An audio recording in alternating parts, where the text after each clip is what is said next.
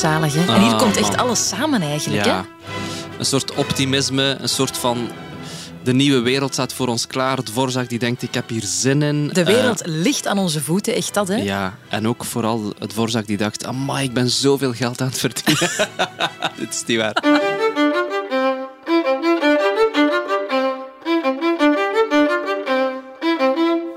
Hallo. Hallo, dag Sander. Dag Clara. En hallo iedereen die op dit moment aan het meeluisteren is naar de allereerste aflevering van EHBK. Eerste hulp bij Klassiek. Ja, het is allemaal nog een beetje nieuw, een beetje Mhm. spannend, maar ik heb er heel veel zin in. Koop jij ook?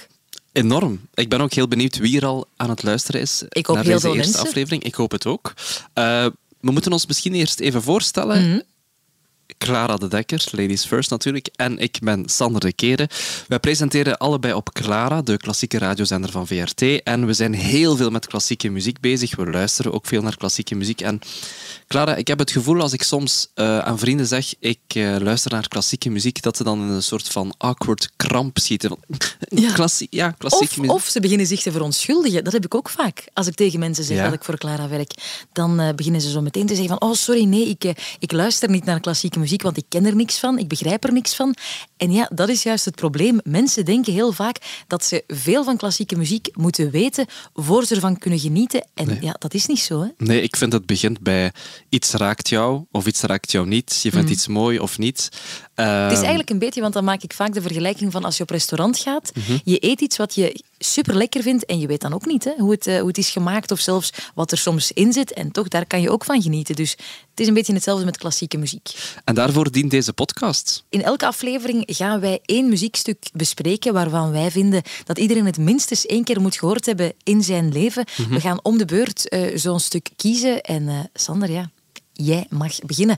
Eh, naar welk muziekstuk moeten of gaan we luisteren vandaag? Wel, we gaan even terug naar het jaar 1893. Jij weet ongetwijfeld wat er toen gebeurd is. Uiteraard. Ik ook niet. Ik heb het even opgezocht. Een paar dingen. Eh, bijvoorbeeld, er wordt een patent genomen op de dieselmotor. De eerste stappen worden gezet met het experimenteren van film. Ehm, basketbal wordt ook geïntroduceerd, wat ik belangrijk vind, want ik ben een basketter. Of ik was een basketter. en ehm, ook de ritssluiting Oké, dat vind ik belangrijk, want ik hou van ritsen.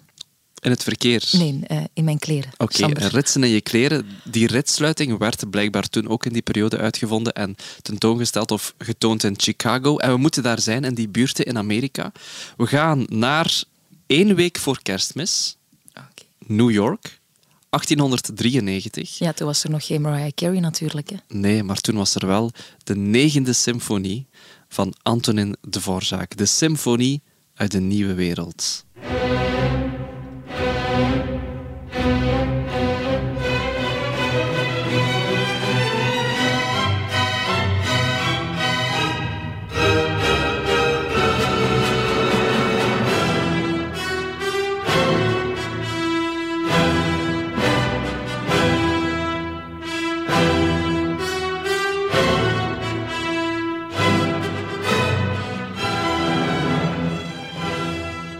Hoop dat mensen die nu naar deze podcast luisteren ook het gevoel hebben van wauw. Wat is dit? Dit is echt zalig. Want Ja. ik heb altijd dat gevoel bij die, die negende van Dvorak. Het is zo energieke muziek. Nou ja, het, is, het is een prachtig werk. Een, een klassieker onder de klassiekers. Ja. Ook een beetje.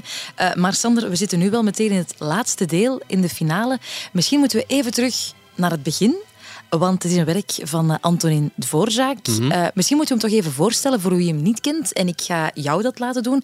En ik ga jou 30 seconden geven om hem even voor te stellen. 30 seconden. 30 seconden. Wow, wow, wow, wow. Gaat dat lukken? Ik ben er zeker van. En de tijd gaat nu in.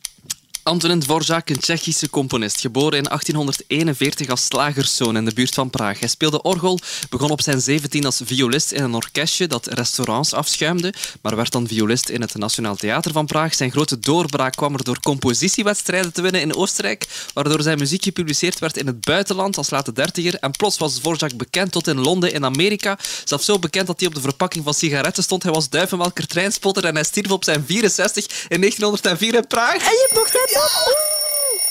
Wauw, amai, 30 seconden, dat is best lang. Hey, maar ja, Hey, goed gedaan. dank u, dank u. Ik, vind het, ik ben heel moeilijk in eh, dingen In samenvatten. Ja, dat weet ik. Ik kan eh, Kill Your Darlings, ik kan dat niet. Nee, maar je hebt het toch goed gedaan. En ik onthoud vooral eh, Tsjechië. Eh, Ja. Een duivenmelker. Hij was eh, zot van treinen. Mhm. En hij is nog altijd een van de belangrijkste exportproducten, mogen we wel zeggen, ja, van Tsjechië. Ja, Tsjechië bestond nog niet, was toen wel in opbouw. Dat waren toen de Bohemen, een historische regio. Eh, maar het is waar, hij, hij was mee aan het bouwen aan die, die Tsjechische nationaliteit.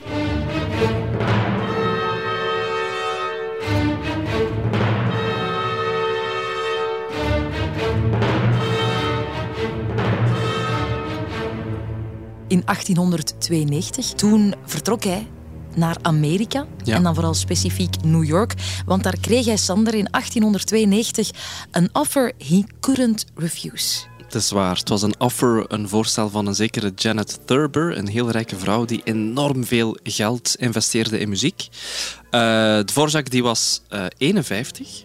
Hij was net directeur geworden aan het conservatorium van Praag, maar plots kreeg hij een voorstel waar hij 25 keer zoveel zou verdienen. Wow. Ja. Amai, dan zou ik ook naar New York gaan. Dat was toen 15.000 dollar. Vandaag is dat uh, 500.000 dollar. Amai. Dus hij werd gevraagd om directeur te worden van het conservatorium in New York. En eigenlijk de belangrijkste vraag was van... Dvorak, jij bent zo bezig met zo Tsjechische muziek, hè, zo typische Tsjechische muziek. Zou je niet hetzelfde kunnen doen voor Amerika? Zou je geen typisch Amerikaanse klassieke muziek kunnen schrijven? Ja, wel vreemd natuurlijk dat ze dat aan een Tsjechische componist vragen en niet aan een Amerikaanse. Ja, maar hij was goed in zijn vak en hij was, Dat was hij wereldberoemd. Ja. Dus hij heeft de stoomboot genomen met zijn vrouw, zijn twee kinderen. Hij had zes kinderen, vier zijn in Europa gebleven. Naar Amerika, naar New York, moest daar lesgeven. Ja, chille job. Ik ging zeggen heel chille job, maar ja, maandag, woensdag, vrijdag lesgeven. Oh, een drie vijfde. Ja, klasje van acht studenten. Oké. Okay. En op dinsdag en donderdag repetities met het orkest van het conservatorium. En dan ook nog eens drie maanden verlof. Ja, inderdaad. Ja. Maar die was wel nodig, die vakantieperiode, om nieuwe muziek te schrijven. Want hij heeft toen ook een nieuwe symfonie geschreven. Wat is dit? Dit, Sander, is een alarm. dat is een alarm dat wij allebei trouwens uh, kunnen gebruiken. Ah, ik ook? Wacht. Nee, wacht. Maar laat het mij uitleggen. Uh, dit is een alarm dat we kunnen gebruiken wanneer we een woord uh, laten vallen mm-hmm. dat misschien niet helemaal duidelijk is, want dat is wel zo. Hè. In de klassieke muziek ja. wordt er heel veel met namen gegoocheld en zo, en die zijn niet altijd voor iedereen duidelijk. Zoals bijvoorbeeld een symfonie dus. Een, een korte definitie? Mm-hmm. symfonie betekent samenklank. Uh, bestaat meestal uit vier delen. Het is voor veel instrumenten, voor strijkers, koperblazers, houtblazers, percussie-instrumenten. Vier delen.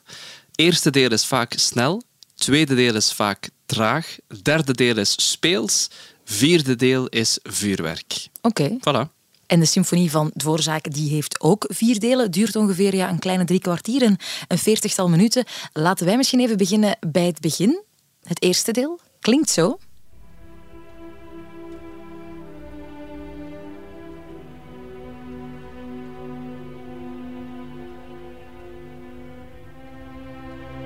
Een mooi begin.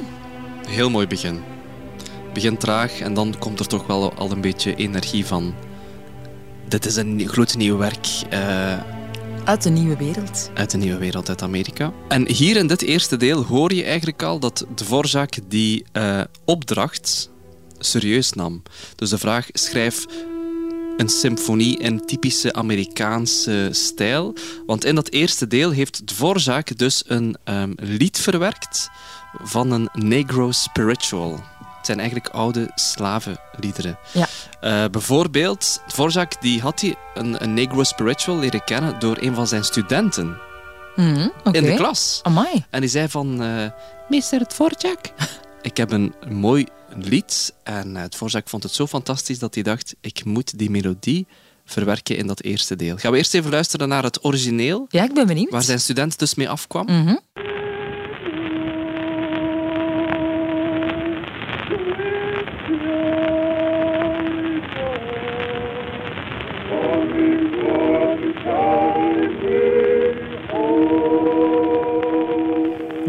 Heeft een student aan het voorzaak laten horen. Ja, swing low, sweet chariot, coming for to carry me home.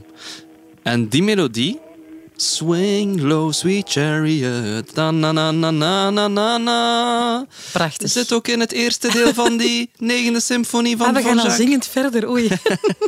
Het, is, eh, het wordt geïntroduceerd door de dwarsfluit. Die begint eigenlijk gewoon die Swing Low Sweet Chariot te spelen. Ah ja. Mooi, hè? En dat vind ik wel een mooi Goed begin. gepikt eigenlijk, hè? Ja, Maar dat is ja, ook een kunst, dat is hè? de kunst, hè? Goed pikken. Goede muziek kunnen stelen en opnieuw kunnen verwerken op een originele manier. Eh, het was ook Kan een hij beetje de zeker. vraag, hè? Ja. Ja. ja, dus die Amerikaanse volksmuziek die komt zeker ook terug. Maar hij, ja, er zitten ook verwijzingen in naar zijn eigen land. Hè? Bijvoorbeeld in het tweede deel. Ja, dat is echt wel eh heimweemuziek.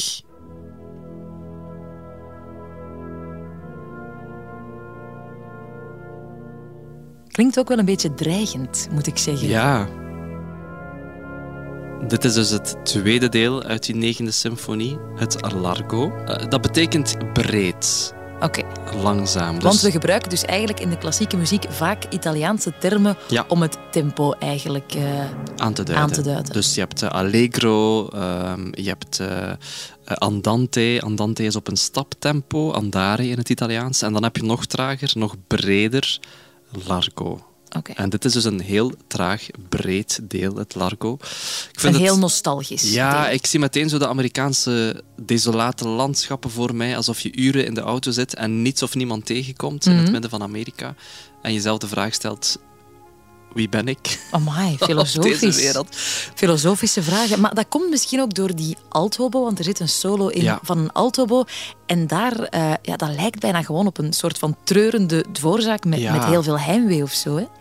Ja, een man met heimwee. Ja, maar ook een man met een plan in dit tweede deel. Hoezo? Eh, er was ruzie. Ruzie. Ja, tussen Dvorak en de tuba-speler. Amai, zit er een tuba in? Die heb ik nog niet gehoord. Klopt, Clara, want die tuba die, eh, speelt alleen maar in het begin, wel geteld, zeven noten. Het Zeven.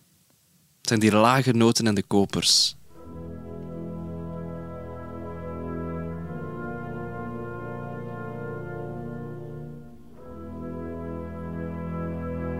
Amai, maar het zijn wel lange noten, gelukkig. En mooie noten. Maar zeven, waarom maar zeven? Ja, kijk, ehm, blijkbaar, of er wordt gezegd, geroddeld, dat de tuba-speler een affaire had met de vrouw van Dvorak. Dat hij te veel aan het flirten was met haar. En wat is dat zo? Anna Tchermakova heette zij.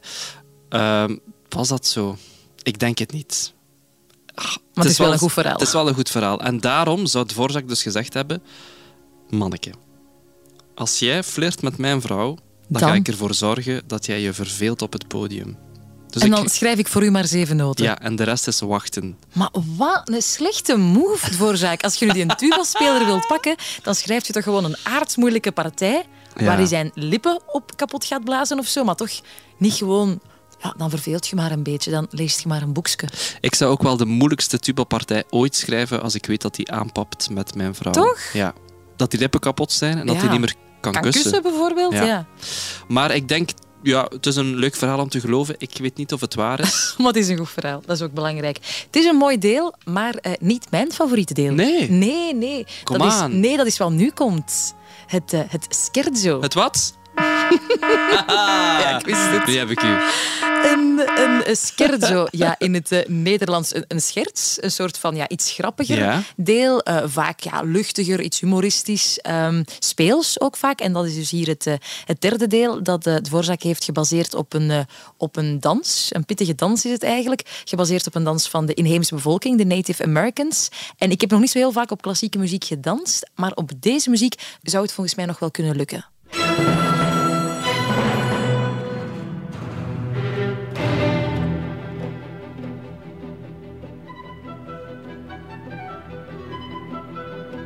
Goeie dansschijf, hè? Dit is een reden waarom Dvorak een grote componist is. Ja. Iemand die zoiets kan en zo, zo kleurrijk ook. Dus ik zie zoveel kleuren, zoveel beweging. Maar er is echt heel veel in. Zo beweging ook in instrumenten. Ja, ik vind dat echt, echt Het heel is knap. bijna nog mooier dan het Largo, hè? Zeg het maar, Sander. Het is Nee. bijna nog mooier dan het Largo. Nee, we moeten niet kiezen, gelukkig. Eh, Nee. Maar misschien het grootste vuurwerk zit denk ik toch wel in dat vierde deel, in de Ja. finale. Toch? mhm. Hoe kunnen we de luisteraar daarop voorbereiden op die finale? Niet. Gewoon laten horen. Oké.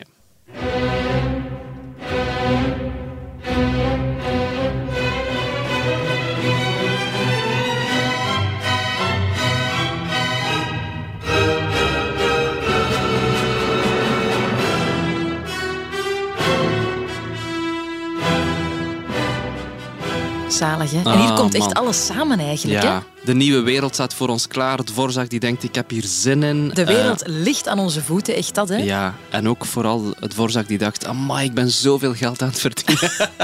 dit is niet waar. dit is het laatste deel, dus na dit deel stopt de symfonie. Ik denk als mensen dan naar buiten gingen, dat ze tegen elkaar zeiden... Ta, ta, ta, ta, ta, ta. Ah, het zit in mijn hoofd. Ja. Ja. Ja. Voor nog een paar dagen. ja. En misschien had Neil Armstrong Sander daar ook wel last van. Neil Armstrong, Ja. als in de De Neil Armstrong, eh, First Man on the Moon. inderdaad, die bedoel ik, eh, die van een, eh, een kleine stap voor de mens, een grote voor de mensheid, zoiets. Ja, die Neil Armstrong, want wist je dat hij, toen hij naar de maan is gegaan, deze muziek heeft meegenomen? Wow. Ja, in eh, 1969. Ja, ik heb het ergens gelezen. Het is echt... eh, maar ik snap het ook wel. Maar ja, de titel, hallo. Symfonie uit een nieuwe wereld. Ja, en die is dus nog naar een andere wereld gegaan, de maan. Ja, wat moet je anders doen als je daar zo zit? Dat was geen het wel. Netflix, hè? Een beetje naar muziek luisteren, naar deze muziek eh, bijvoorbeeld. Want ik denk, ja, die symfonie duurt 45 minuten. De vlucht naar de maan is wel iets langer dan drie kwartier. Ja, maar hier kun je wel een paar keer naar luisteren. Ja, zeker. En hij had misschien ook nog wel andere muziek mee, hoor. Maar eh, Het is wel heel toepasselijk. Ja. Wie ook heel goed naar die negende van Dvorak heeft geluisterd, is John Williams. de filmcomponist. Yep. Eh, voor een film over een haai in de zee. Jaws. Oké. Nu moet je eens heel goed luisteren naar die filmmuziek, hè.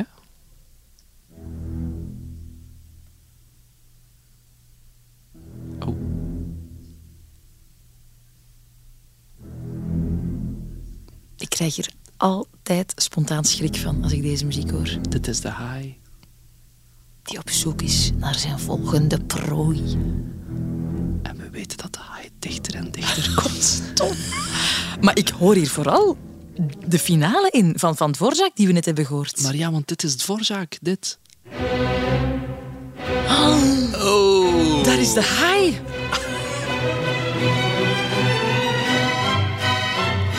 Oh, maar John Williams kent zijn klassiekers hoor. Ja, maar het is een kunst, hè? Om die muziek... Ja, Dvorak heeft het eigenlijk ook gedaan. Hè? Muziek gepikt en dan gebruikt. Dus ja, Voilà. 1-1. 1-1. En voilà, kijk, daarmee zit onze eerste aflevering van EHBK er ook op. Of toch bijna, want eh, Sander, ik vroeg me wel nog af, Mhm. eh, hoe lang is de voorzaak nog in Amerika gebleven eigenlijk? Eh, na de première van die symfonie nog één vol jaar, tot 1895. Dan Ja. is hij teruggekeerd naar Praag en hij stierf in 1904. Ja, het gemis was dus echt wel te groot. Wow, wow, Clara, je zegt de podcast is gedaan. Dat is niet waar, hè? Oh nee, Nee, nee, nee. Ik geef jou nog 30 seconden om wat te doen? om die volledige symfonie uit de nieuwe wereld samen te vatten. Oh, in 30 seconden? Ja, ik tel af. 3, 2, 1. Oh. Eh, uit de Nieuwe Wereld, de negende symfonie van de Tsjechische componist Antonin Dvorak was eh, zot van treinen, maar nog zotter van muziek. Hij vertrok op zijn 51ste naar New York om directeur te worden van het conservatorium. Daar schreef hij die symfonie waarin hij elementen uit Amerikaanse volksmuziek combineerde met elementen uit zijn eigen vaderland, muziek uit zijn eigen vaderland. Vier delen, let vooral op de solo van de altobo in het largo. Eh, let zeker niet op de tuba, want die ga je niet horen. En als je toevallig binnenkort op vakantie gaat naar de maan, dan moet je deze muziek meenemen. Maar kijk, ik ga niet op vakantie naar de maan. Mooie samenvatting. Ja, hè? Ja, het is waar. Je krijgt echt Goed nog gedaan. wel best veel gezegd, vind ik, op 30 ja, seconden. Ja, een werk van drie kwartier samenvatten in 30 seconden. We Goed hebben gedaan, het Clara. gedaan. Kijk, voilà. Nu zit onze eerste aflevering eh, erop. Nu is het natuurlijk de bedoeling dat iedereen gaat luisteren. Alleen, hoe kies je nu een opname? Hè? Er zijn er zoveel. Sander, welke zou jij aanraden? Ik zou gaan voor een opname met het orkest dat eh, toen ook de première heeft gespeeld. Dus een orkest uit New York, New York Philharmonic. Oké, goed idee. En zo is de cirkel helemaal rond, of toch bijna. Want heb jij nog vragen of is er een muziekstuk dat wij zeker eens moeten beluisteren of bespreken? Laat het ons vooral weten. Hè? Het kan ook eh, pianomuziek zijn of een strijkkwartet. Een of, of aria. een aria, inderdaad. Ja. Alles kan. Dan is het misschien ook van... Wat is een aria? Gaan we nog veel horen, Dat hè? is voor in de volgende afleveringen misschien. Ja. Tot volgende week. Tot volgende week.